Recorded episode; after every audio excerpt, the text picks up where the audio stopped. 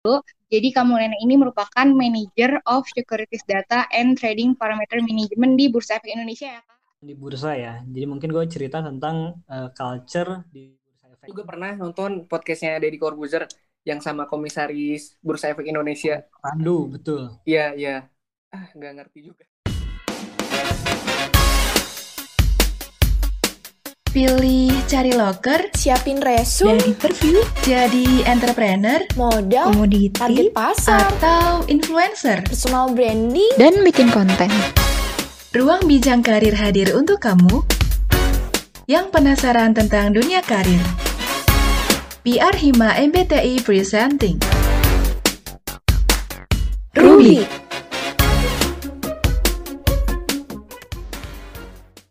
Halo Sobat Ruby, kembali lagi di acara Ruang Bincang Karir. Bareng aku, Lulu Lesmana, ditemenin teman aku.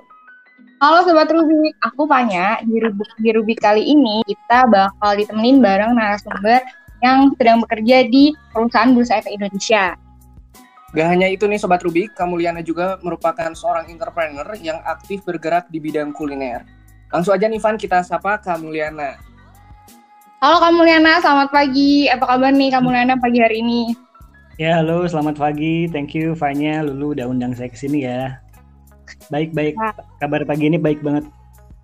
Alhamdulillah. Wah, Nah, alasan kenapa kita ngundang Kamuliana ini karena kebetulan topik yang kita bawakan kali ini itu adalah all about bursa efek. Sebelumnya aku kenalin dulu. Jadi Kamuliana ini merupakan Manager of Securities Data and Trading Parameter Management di Bursa Efek Indonesia ya, Kak? Iya, betul. Aduh, kayaknya Kamuliana udah siap banget nih di sini buat berbagi pengalaman kepada Sobat Rubik. Um, gimana nih kalau kita langsung sharing aja uh, gimana pengalaman kakak selama bekerja di Bursa Efek? Oke, mungkin uh, mulai dari mana ya? Dari kenalan dulu kali ya. Boleh, boleh, uh, boleh. Ya, kenalin mungkin uh, teman-teman sekalian di sini uh, nama saya Mulyana.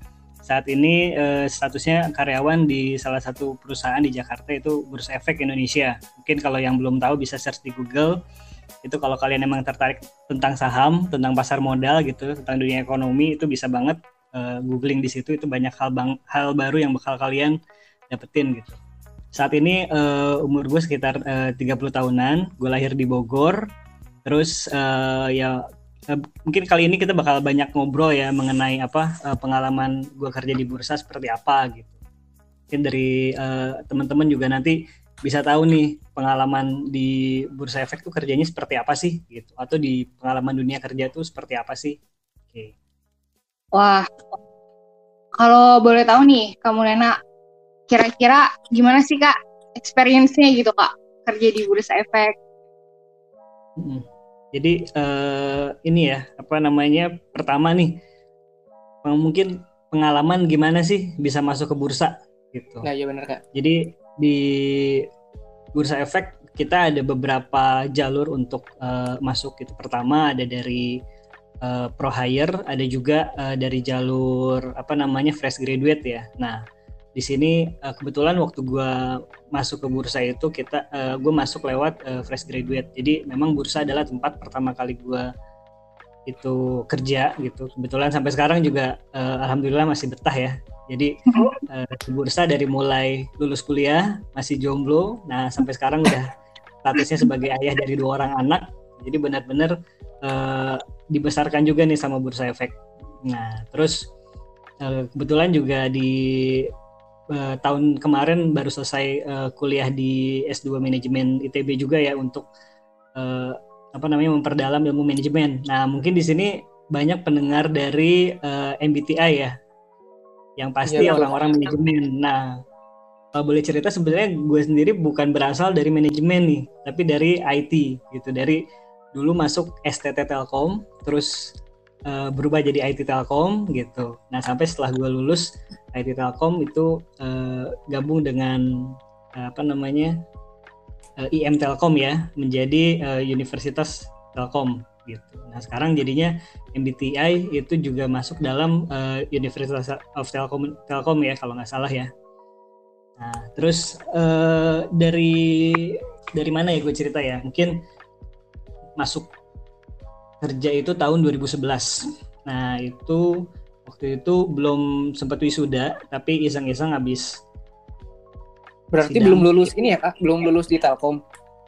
Eh, sebenarnya baru jadi habis lulus sidang jadi habis selesai sidang itu revisi juga belum selesai iseng gitu karena waktu itu teman udah ada yang lulus duluan dan dia eh, ngelamar-lamar salah satunya dia ngelamar di bursa nih gitu Oh. Gua kira bursa itu dulu adalah bank gitu jadi bener-bener blank ngeblank sebleng-blengnya gitu bursa efek tuh apa? Pokoknya Oh berarti kamu lihat juga awal mulanya nggak tahu ya?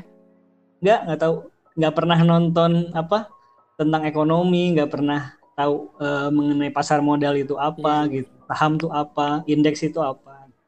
Benar-benar ngeblank gitu. Tapi ya eh, iseng aja kan yang namanya kita udah mahasiswa harus terbuka terhadap eh, ini ya apa namanya segala sesuatu gitu gue juga nggak terlalu yang idealis idealis banget lah.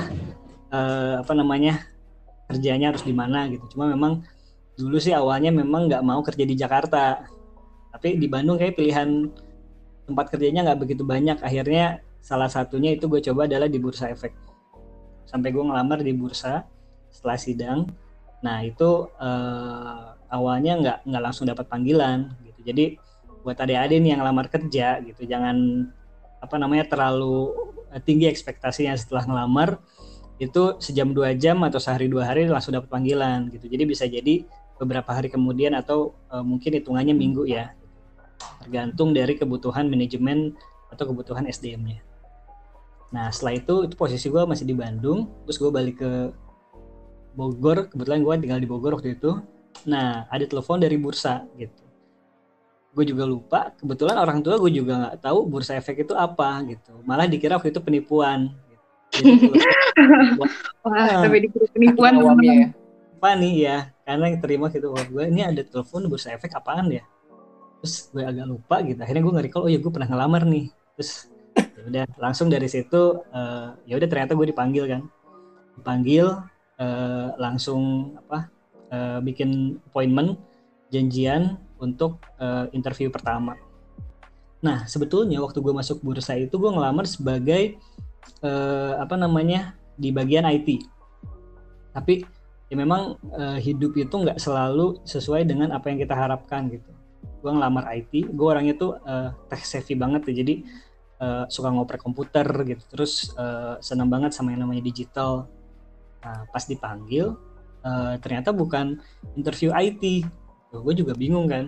Ternyata yang di interview di bagian business operation. Gitu. Apaan business operation? Gue nggak terlalu ngerti juga. Mungkin kalau teman-teman yang basicnya di apa PS atau di eh, ekonomi ya atau teman-teman di MBTI pasti ngerti lah bisnis itu apa sih gitu. Nah, eh, tapi ya udah berjalan aja interview mengalir eh, yang gue lakukan adalah ya udah gue eh, apa namanya be honest gitu. Terus maksudnya jujur aja ya kalau emang gue nggak terlalu ngerti bisnis ngapain gitu. Tapi yang gue obrolin adalah bagaimana motivasi gue itu untuk bekerja seperti apa. Terus kedua eh, apa aja sih soft skill yang gue punya gitu. Karena memang di zaman kuliah itu nggak hanya kita mengembangkan hard skill gitu. Hard skill itu kayak eh, ilmu sehari-hari ya. Mungkin Iya, kalau di manajemen sih hampir semuanya jadi jadi soft skill ya. Hard skill dan soft skill gitu. Ya hard skillnya mungkin eh, bikin jurnal lah itu.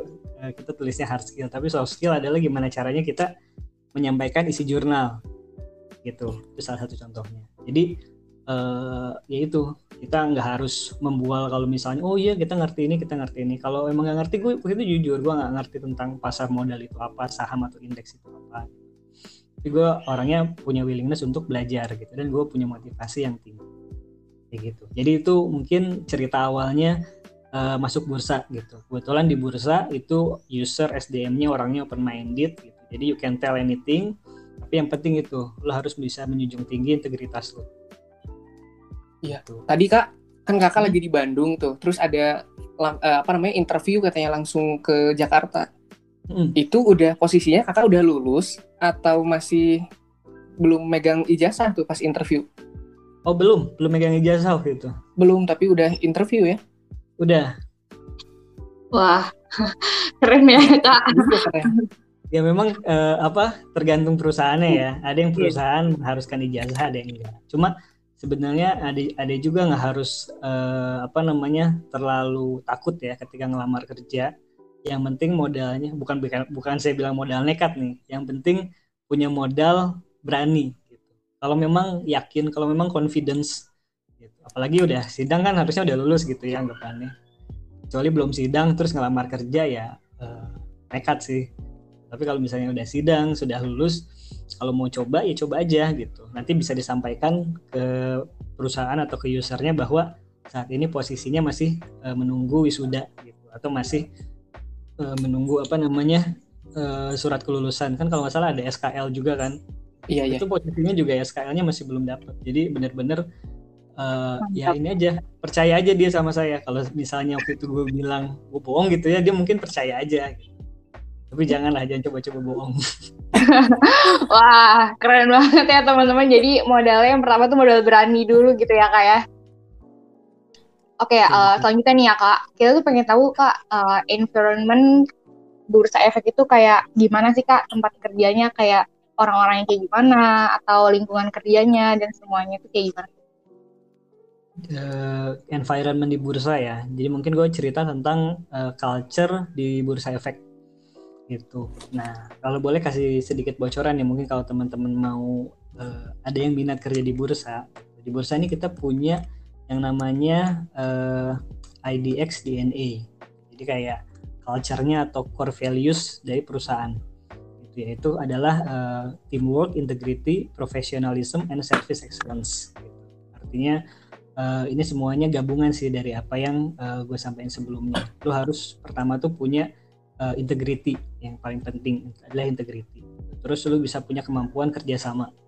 Jadi kalau misalnya di zaman kuliah lu masih eh, apa orang yang individualis gitu ya, lu cobalah untuk eh, gabung gitu, ngerjain bareng sama temen-temen untuk eh, apa belajar untuk bisa bergabung di eh, FGD gitu ya, eh, forum group discussion. Artinya kita harus bisa belajar untuk komunikasi gitu. Di teamwork itu adalah komunikasi itu salah satu yang paling penting. Gimana caranya kita bisa ngalah nih? Pada saat ada orang-orang ngomong kita bisa nahan kita nggak harus ngomong gitu. Atau gimana caranya kita bisa nyampein pendapat itu jangan cuma kita uh, nyimpen dalam hati aja gitu. terus uh, profesional itu juga penting gitu Uh, di tempat kerja kita nggak bisa sembarangan. Ini mungkin gua agak gondrong dikit karena WFH ya tapi kalau di tempat kerja sebisa mungkin kita berpenampilan rapi gitu ya. Pakai kemeja pakai apa uh, berpenampilan rapi lah. Biasanya kalau di bursa dulu kita ada pakai dasi ya kalau ketemu orang luar tapi kalau di internal uh, itu bisa nggak bisa iya gitu. intinya tetap uh, profesional terus disiplin terus uh, service excellence nih itu adalah gimana caranya kita bisa memberikan pelayanan terbaik ke uh, stakeholder jadi kalau misalnya uh, teman-teman di sini semua udah kerja di perusahaan gitu uh, yang harus dipikirin adalah gi- bukan gimana caranya nih gaji gue nambah terus, tapi gimana caranya gue bisa memberikan pelayanan terbaik gitu ke perusahaan ini dan ke apa yang dilayani oleh perusahaan. Nah, kalau misalnya kerja keras kita uh, itu bagus, insya Allah nanti nggak akan mengkhianati nih hasilnya. Jadi nggak harus mikir lo kerja tuh yang penting gaji gede, yang penting benefit bagus gitu. Itu uh, akan ini sendirinya lah akan kalah sendirinya gitu sama orang-orang yang memang kerjanya tulus gitu kerjanya bagus. Kerjanya ngapain aja sih kak? Di bursa efek? Jujur kan aku juga nggak tahu ya. Terus kemarin juga pernah nonton podcastnya Deddy Corbuzier yang sama komisaris bursa efek Indonesia. Pandu betul Iya iya. Ah nggak ngerti juga. Nggak ngerti Iya. juga tentang apa yang dibahasnya. sebenarnya eh, bursa tuh kayak ini pasar ibaratnya di pasar eh, jadi yang di pasar itu bursa itu adalah yang punya pasar misal Oh. eh, kita sebut salah satu pasar di Jakarta pasar Tanah Abang ya gitu nah bursa itu adalah yang menyelenggarakan pasar Tanah Abang nah, nanti di pasar Tanah Abang ini kan banyak toko-toko ya Iya. Nah, jadi toko-toko itu adalah eh, saham-sahamnya. Gitu. Salah Oh. satunya IDX itu ya kak. IDX itu sebenarnya bursa gitu, Indonesia Stock Exchange. Nah, Iya. itu Oh. katanya eh, IDX. Nah, memang di Indonesia ini bursa ini cuma ada satu saat ini yaitu Bursa Efek Indonesia. Tapi nggak memungkiri juga di sebuah negara itu punya dua bursa atau lebih gitu kayak di US itu dia ada Nasdaq ada New York Stock Exchange gitu ya ada beberapa uh, bursa kecil. Kayak di China itu ada Shenzhen ada Shanghai itu ada Beijing itu uh, masing-masing punya stock exchange gitu. dulu di bursa eh di Indonesia itu ada dua bursa efek Surabaya sama Jakarta. Tapi di tahun 2007 itu merger. Jadi bursa efek Indonesia Oh, jadi oh jadi Bursa Efek Indonesia itu merger dari Bursa Efek Jakarta ya kak, sama Bursa Efek eh, Surabaya. betul Oh iya ya. Ada juga sih di Indonesia bursa, tapi bukan bursa efek ya, ada bursa berjangka namanya. Tapi memang produk yang dihasilkan atau produk yang dijual itu beda. Hmm. Gitu ya. Nah, balik lagi nih ke Tanah Abang ya, gitu. Jadi intinya bursa itu menyelenggarakan perdagangan, menyelenggarakan kegiatan pasar. gitu. Kalau penyelenggara pasar Tanah Abang tutup, yang eh, jadinya kan nggak akan ada yang bisa jualan kan di situ Iya benar-benar kak. bursa itu sama ketika eh, bursa efek itu dia tutup maka sahamnya nggak ada yang bisa dibeli gitu nah tujuannya ada bursa itu adalah biar orang itu bisa jual beli saham jadi misalnya ada saham Astra gitu ya atau saham Indofood gitu sorry sebut merek tapi ya memang itu salah satu saham yang ada di bursa nih Iya iya. kalau misalnya kita melihat eh, ternyata eh, perusahaan apa namanya eh, yang jualan Indomie ini kayaknya bagus nih gitu. gue mau ikut nanam modal lah di situ. Nah, itu mungkin kalau mau belajar pasar modal sendiri nih segmennya beda lagi ya ini karena luas banget kalau belajar pasar modal. Nah, itu bisa beli di apa namanya melalui anggota bursa di eh, bursa efek. Tapi belinya bukan lo datang ke bursa efek terus eh, mampir ke kantor gua gitu ya. Nanya nyari masmu mau beli saham gitu. Nggak juga. jadi tetap eh, melalui namanya broker gitu ya perusahaan efek.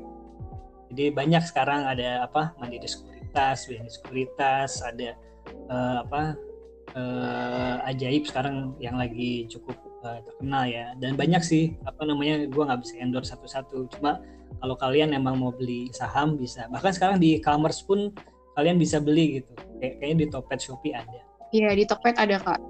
Mm-mm.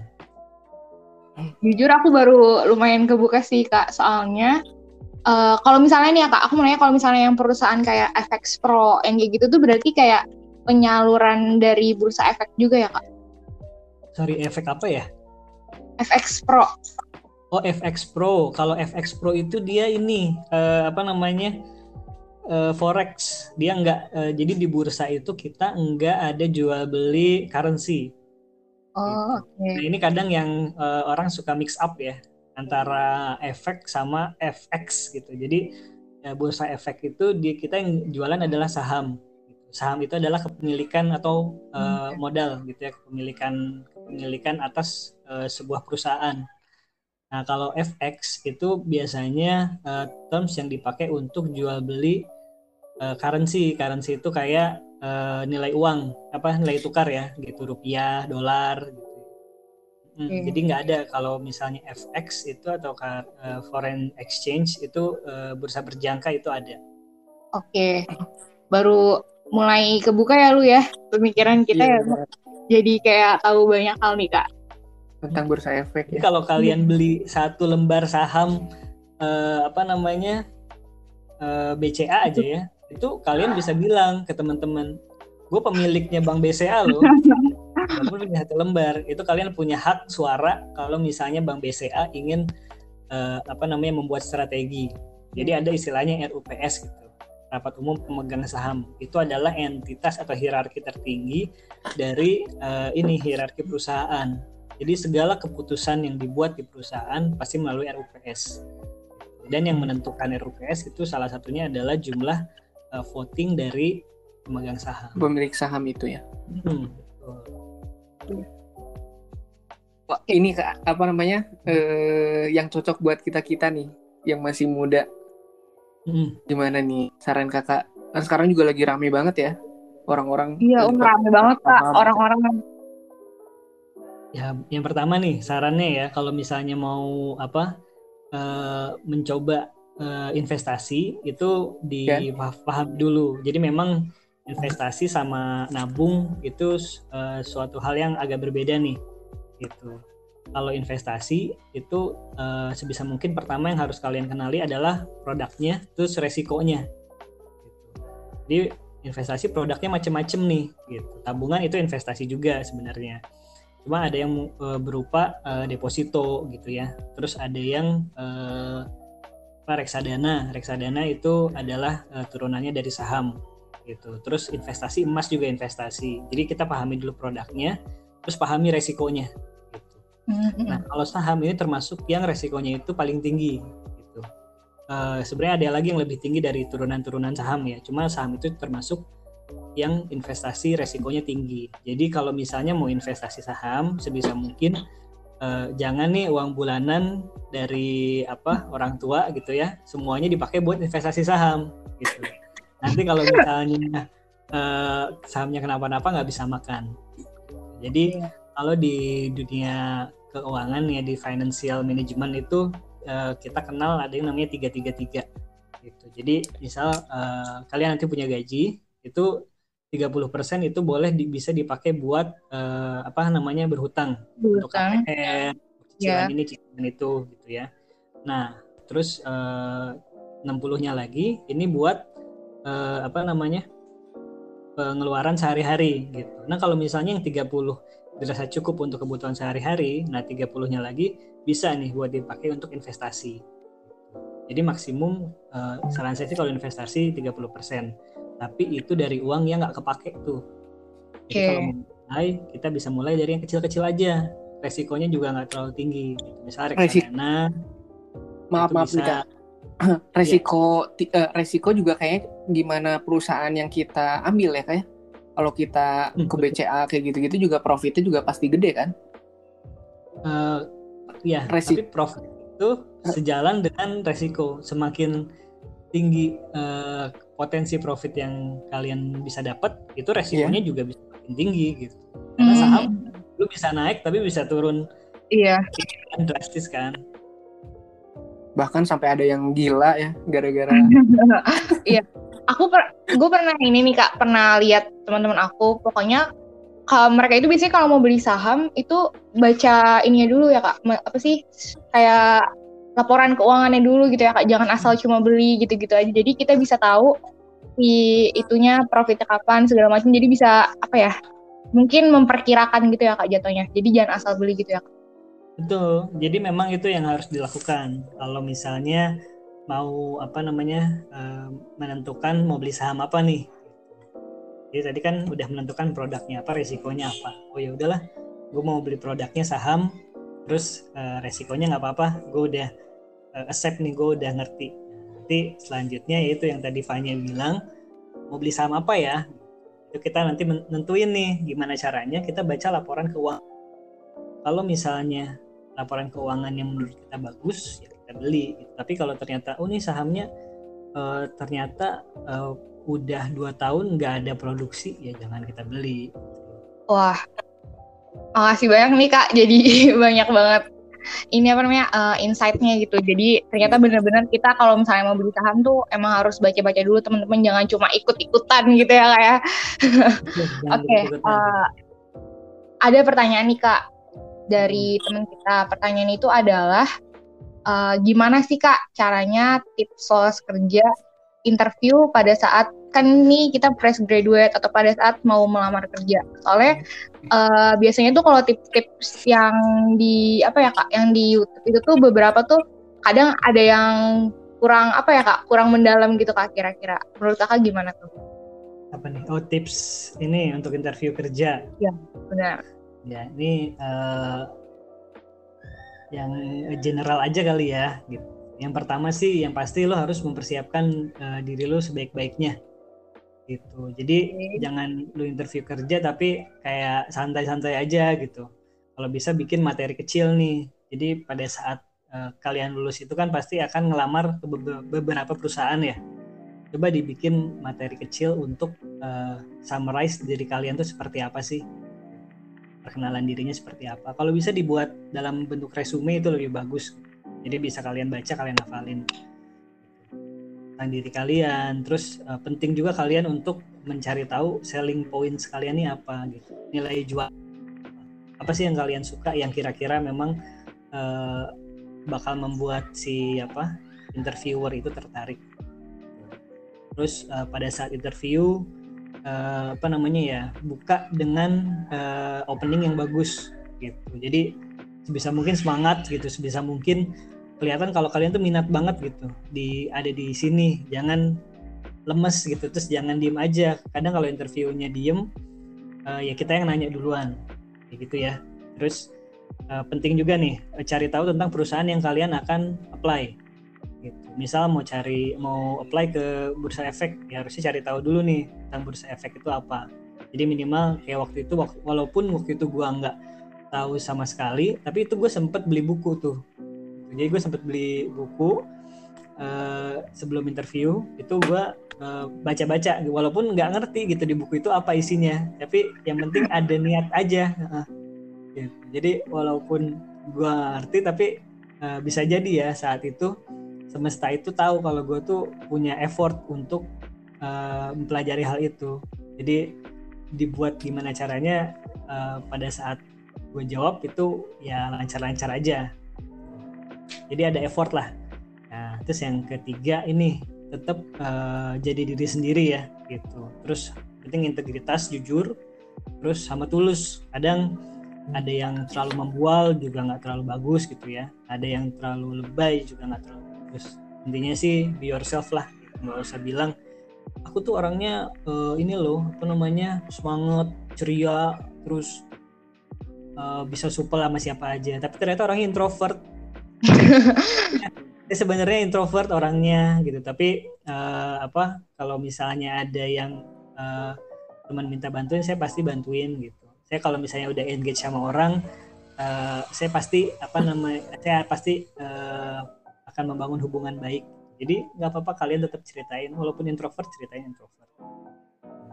Terus terakhir mungkin ya ini pada saat penutup uh, bikin juga kata-kata yang berkesan intinya sih gimana caranya kalian itu membuat orang yang menginterview kalian berkesan.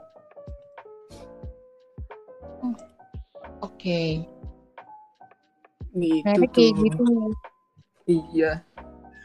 Ini juga ada nih, uh, Van yang nanya ini apa namanya yang magang. Oh iya nih. Iya. Katanya kak gini, apakah magang di tempat yang bagus mempengaruhi tempat kerja kita nanti? Hmm. Dulu kakak magang nggak? Uh, magang dulu, saya sempat magang dua kali. Magang di mana tuh? Pertama magang di Telkom Bogor, itu waktu tingkat dua kalau nggak salah ya. Terus bagian wah. komputer. Hmm, kenapa? Di bagian komputer kak? Di bagian nggak, bagian jualan. Aduh. Jadi kalau kalian nih teman-teman pernah ada yang telepon gitu ya dari yeah. apa uh, perusahaan uh, sebuah perusahaan lah ya nawarin yeah. apa di rumahnya mau pasang wifi nggak gitu. Atau oh, di yeah. rumahnya mau ini nggak apa uh, mau pasang internet nggak. Nah itu yeah. dulu pertama kali magang gitu. Jadi uh, bikin sebel orang sih. Ya itu pengalaman pertama jualan ke jalan-jalan. Tapi tetap waktu itu uh, apa menurut saya menyenangkan sih gitu ya. Karena pengalaman uh, kerja baru gitu. Dan di situ memang saya memposisikan diri saya walaupun waktu itu masih pikirannya masih ini ya masih uh, kuliah awal-awal masih unyu-unyu nih. Tapi emang saya memposisikan diri saya itu seolah nanti saya akan kerja gitu. Apa sih yang harus gue lakukan? Apa sih kalau misalnya gue beneran kerja nih kira-kira uh, apa ya yang nggak boleh gue lakukan dan harus gue lakukan? Tempat keduanya di mana kan keduanya di ini XL XL nah itu tempat keduanya itu waktu itu di Bandung sih XL Bandung. Nah jadi waktu di XL itu kebetulan ininya IT uh, eh, kerjanya IT itu ya. tiga bulan ngoding terus sampai apa? Muntah-muntah jadi malah yang jurusan sendiri ya kayak ya? yang muntah-muntah. Ya, waktu iya. itu memang pikirannya pengen nyari tempat yang sesuai dengan passion. Tapi ternyata di tempat kerja tuh nggak lebih manis dari yang kita bayangin. Oh, benar kalau waktu kuliah gitu mungkin mikir ah kalau gue udah kerja nih pasti nanti gue punya duit gitu ya gue mau ngelakuin apa aja bebas deh gue udah punya gaji ini gue mau seneng-seneng tapi ya itu ada tapi nggak gitu juga. Tetap kalian itu di tempat kerja kalau kuliah mungkin bisa bolos gitu ya. Mungkin di sela-sela jam eh, pergantian jam apa eh, belajar gitu ya. Apa namanya mata kuliah pergantian mata kuliah bisa hangout main ke kantin. Tapi di tempat kerja tuh nggak gitu sih. Mungkin ada yang gitu juga. Cuma uh, mostly ya lu kalau kerja dari jam 8 sampai jam 5 ya sebisa mungkin lu maksimalin di tempat kerja lu lu kerja sebaik-baiknya. Nah gue termasuk yang aliran nggak eh, nggak pernah lembur. Jadi eh, ketika lu kerja lu kerja sebaik-baiknya gitu. Tapi eh, nggak pernah yang sampai eh, habis kerjaan nih masih stay di kantor untuk ngerjain kerjaan yang lain gue itu nggak efektif. Jadi uh, buat temen-temen nih yang masih suka SKS gitu ya buat yang masih suka ngerjainnya mepet-mepet gitu. Itu cobalah diubah kebiasaan itu. Jadi nanti pas kerja jadilah orang yang efektif. Jadi pada saat kerja kerja.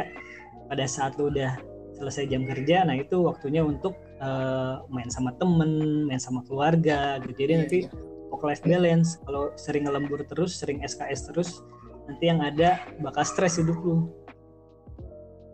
Wah, Sebenarnya kak, yang tadi awal tempat kakak kerja juga, kalau udah kerja beneran juga bikin pusing sih ya marketing itu. Karena kan ada target gitu ya. betul Cuman karena kakak magang kayaknya, jadi nggak ada target kan. Sebenarnya kedua-duanya juga bikin pusing. Mm-mm. Ya, ada kalau- juga kalau bener. target Oh ada juga itu magang. ada cuma karena kalau magang itu kan mindsetnya bukan nyari duit ya Ya, Mm-mm. mungkin kalau misalnya kerja beneran di marketing kalau targetnya ya kecapai kan bisa jadi kita stres sendiri ya Iya, kalau magang nothing tulus jadinya iya ya.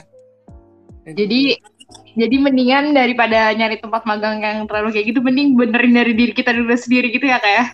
itu balik lagi tadi ke pertanyaannya ya Eh, apa ma- apakah tempat magang yang bagus itu bisa mempengaruhi eh, performance Tempat kita nantinya nih Iya. gitu. Menurut gue sih kemungkinan besar iya. Gitu. Jadi biasanya kalau company yang dia udah punya culture yang bagus, gitu. nah ini nanti eh, si anak magangnya pun mau nggak mau dia jadi belajar culture di company tersebut.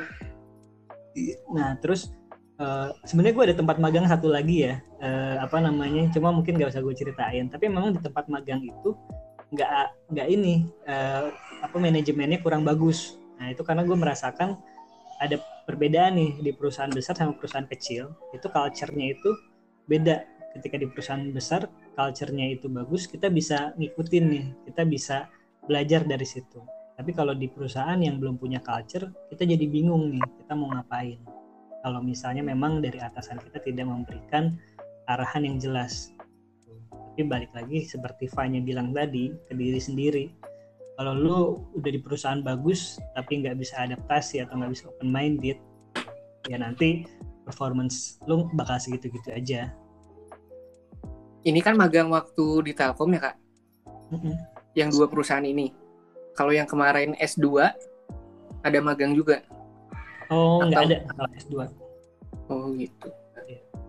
karena S2 nya kan posisinya udah kerja ya Oh iya. Oh iya iya. Oh iya iya. Wah, jadi kayak gitu tuh Sobat Ruby. Jadi ya mempengaruhi juga, tapi bener kata kakak tadi, jadi harus membenahi diri sendiri dulu juga ya kayak making a good habit mungkin ya kayak jatuhnya. Wah, nggak kerasa ya lu ya kita udah ngobrol sekitar 40 menit Iya. kurang nih. nah, gimana nih lu eh, gimana kalau kita minta closing Hmm. statement aja dari Boleh, kamu? boleh, boleh, boleh. Padahal masih banyak juga sih kak. Ini pertanyaan dari sobat Rubik yang belum bisa terjawab nih. Iya. Masih banyak juga. oke oke Boleh boleh. jadi eh, ada pertanyaan lagi mungkin nggak Mungkin eh, kita cukupkan aja sih kak. Oke. Paling kita minta closing statement aja dari kakak. closing statement ya apa eh, saya agak cerita sedikit ya untuk closing statementnya ya Boleh boleh boleh kak. eh, sekitar 35 menit gitu. Jadi ini eh, cerita semoga bisa jadi inspirasi teman-teman juga. Inspirasi. Hmm. Jadi eh, kisahnya ini ada eh, seorang istri yang dia itu sedang eh, mengandung anak kedua. Nah, dia itu sedang diabang kebingungan nih karena eh, sebenarnya dia pengen berhenti kerja gitu. Tujuannya pengen eh, jadi ibu untuk merawat anaknya. Jadi ini anak yang kedua nih. Nah, posisinya ini suami istri bekerja. Nah, istrinya ingin berhenti. Nah, tapi kalau dari hitung-hitungan ekonomi, itu kan udah pasti penghasilan keluarganya berkurang setengah. Bener nggak? Iya, Benar-benar. Bener-bener. Nah, posisinya itu keluarga eh, lagi nggak baik-baik juga. Eh, maksudnya bukan hubungannya nggak baik ya, tapi banyak pengeluaran yang harus dipikirkan. Gitu. Mereka sedang membangun rumah, gitu. Ditambah pasti kalau lahiran anak kedua biayanya besar. Gitu. Terus mereka juga posisinya sedang nafkahin orang tua mereka juga. Terus banyak hal-hal yang memang mereka ingin capai nih. Gitu. Istrinya itu bertanya sama suaminya, Mas, gimana nih? aku perlu berhenti kerja nggak? Di situ sempat terdiam tuh berdua. Gitu. Terus suaminya jawab gini, Dek, kalau kamu emang pengen eh, pengen fokus untuk jadi eh, madrasah ilmu nih buat anak-anak, gitu. eh, Mas akan sangat senang sekali nih. Gitu. Jangan takut kalau rezeki kurang. Insya Allah rezeki akan hadir lagi nih dari pintu yang lain. Istrinya masih bingung. Terus nanti buat orang tua gimana, buat ini gimana, buat itu gimana. Tenang aja gitu, kata suaminya. Mas akan tetap tanggung jawab nih. Insya Allah kalau rezeki yang kita rezeki orang-orang yang kita sayangi itu nggak akan kurang. Akhirnya eh, istrinya pun berhenti kerja dan mereka nggak nggak lagi berpenghasilan eh, ganda. Sebelumnya kan suami istrinya kerja penghasilannya dua ya, jadi satu nih. Nah terus ya mereka jadi berpikir keras kan gimana caranya ngatur keuangan tapi nggak lama setelah itu tiga bulan setelahnya nih ada aja yang rezeki eh, yang bisa bikin rumahnya ternyata selesai dibangun nggak nyampe setahun eh, ternyata suaminya dapat promosi. Nggak lama lagi mereka eh, bisa dapat rezeki yang lain bisa berangkat eh, apa bisa daftar ke haji dan lain-lain nih gitu. Jadi eh, di situ memang apa namanya ya ya sampai bisa uh, ngulehin adenya sampai bisa uh, bikin usaha gitu ya. Jadi ternyata setelah uh, kita mengalami suatu uh, kalau roda ini berputar nih kita udah sampai bawah gitu ya itu pasti akan naik lagi gitu. Jadi kita ternyata setelah mengalami suatu keputusan yang sulit gitu yang pahit mungkin menurut kita ya, tapi kita jangan takut. Kita keluar aja jadi dari zona nyaman tersebut kita buat keputusan karena kita nggak tahu nih perjalanan apa yang akan nanti kita di depan.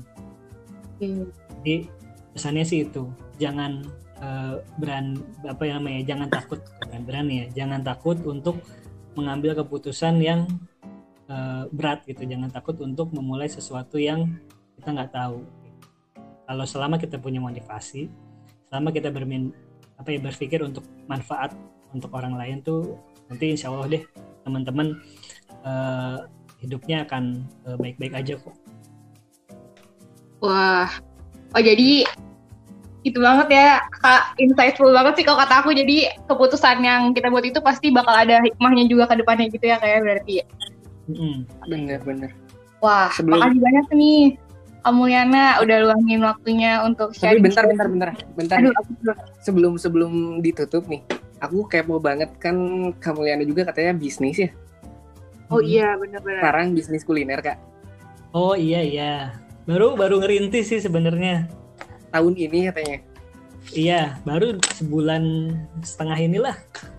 Oh baru banget dong ya, masih anget. Baru banget. Bisnis bener. apa? Bisnis apa Eh, kak? eh, apa?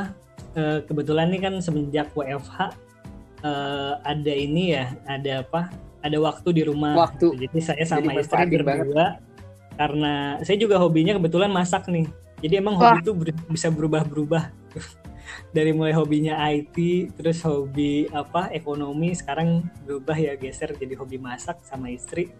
Kita bikin ini eh, nasi kebuli sama pempek Wah, Jualannya rumahan. rumahan. Oh rumahan. sih. Masih ini sih produksi kita nggak ada karyawan jadi baru berdua lah kerja yang kita berdua masak sendiri, ngepack-packin sendiri gitu. Ngirim sendiri. Jualnya melalui apa kak? Di oh ya kalau mau follow bisa nih di Instagram kita ada at eh, se titik jumput titik garam Oh iya. Oh iya, siap. Uh, at se titik jumput titik garam jadi sejumput garam di Tokopedia juga ada ketik aja sejumput spasi garam Berarti mo- model kemasan gitu ya, yang di Iya. kalau Berarti udah bisa kirim keluar bisa gitu ya? di- yes. Udah kirim keluar kota kak. Kalau pempek bisa keluar kota gitu. Tapi untuk nasi kebuli sih sekarang kita hanya melayani pengiriman sekitar aja yang terjangkau sama ini ya, transportasi online ya. Oh, Oh, oke. gitu. Berarti sekitaran Bogor lah ya, kalau nasi kebuli ya. Eh, bukan Bogor sih Jakarta, tapi Bogor Oh, juga Jakarta. bisa. Kadang saya main ke Bogor eh, sekalian buka PO nasi kebuli. Oh gitu. Oke. Sama nih kak, berarti kayak adiknya ya hobi masak. Adiknya juga bikin brownies yang enak kak. Tuntutan kerja ya, tuntutan kerja, tuntutan hidup. Wah, makasih Ya, banyak tapi keren nih. juga sih memanfaatkan waktunya Iya, heeh, jadi usaha. mm, Sejauh ini kak pengirimannya yang paling jauh luar kota ke mana kak? Eh, baru ke ah, Jawa Tengah sih ya, ke daerah Salatiga Iya. gitu. Belum sampai jauh banget sih. Gitu. Itu udah aktif melalui Instagram itu. Iya, dari Instagram bisa. Dari Kebanyakan Instagram. sih eh, masih circle sendiri ya, gitu. Kita juga masih apa? Mencoba ternyata dulu ya. eh, nggak segampang gitu ilmu S2 yang didapat kita jalanin. ya balik lagi ke ini, balik lagi ke basic gitu ya. Cari-cari cara gimana caranya bisa jualan gitu. Tapi tetap semuanya yang penting kita lakukan. Iya, iya. Sebenarnya aku mau ngupas lebih dalam lagi sih tentang usaha, tapi waktunya udah banyak Iya, banget. Oh, waktunya habis udah udah lumayan ini nih kak, udah lumayan mendekati final, final time. Oke. Jujur, eh, aku senang banget nih kita bisa kita bisa sharing-sharing bareng kamu Lena ya teman-teman. Makasih banyak kamu Lena udah meluangkan waktunya, udah sharing-sharing nih bareng kita sama sobat Rubik sobat Rubik ini di episode ke-6. Nah, sobat Rubik jangan lupa follow IG-nya tadi tuh IG Instagramnya eh, jualannya kamu Lena di @se.jumput.garam dan Instagramnya kamu Lena juga ya kamu Lena di @mueljana underscore. Bener banget gak lu? Bener banget tuh Van. Dan jangan lupa juga Tuh, eh, eh, follow untuk aja walaupun masih belum ada postingannya ya. Oke oke. Boleh. Bener banget tuh Van. Dan jangan lupa juga untuk sobat Rubik di rumah tetap stay tune terus di Dialog Biru di Spotify karena bakal banyak kejutan-kejutan menarik di episode Rubik berikutnya. Pasti kita bakal mendatangkan narasumber yang gak kalah keren dari Kamuliana ini. Iya, banget. Dan jangan lupa juga kalian bisa kepoin Instagram kita di @mbti.relation dan @hima_mbti @hima underscore mbti. Wah, bener banget tuh. Oke, aku Fanya. Dan aku Lulu. Oke, teman-teman, sampai jumpa di episode Rubik selanjutnya. See you. See you guys. Terima kasih banyak. See you Sobat Rubik.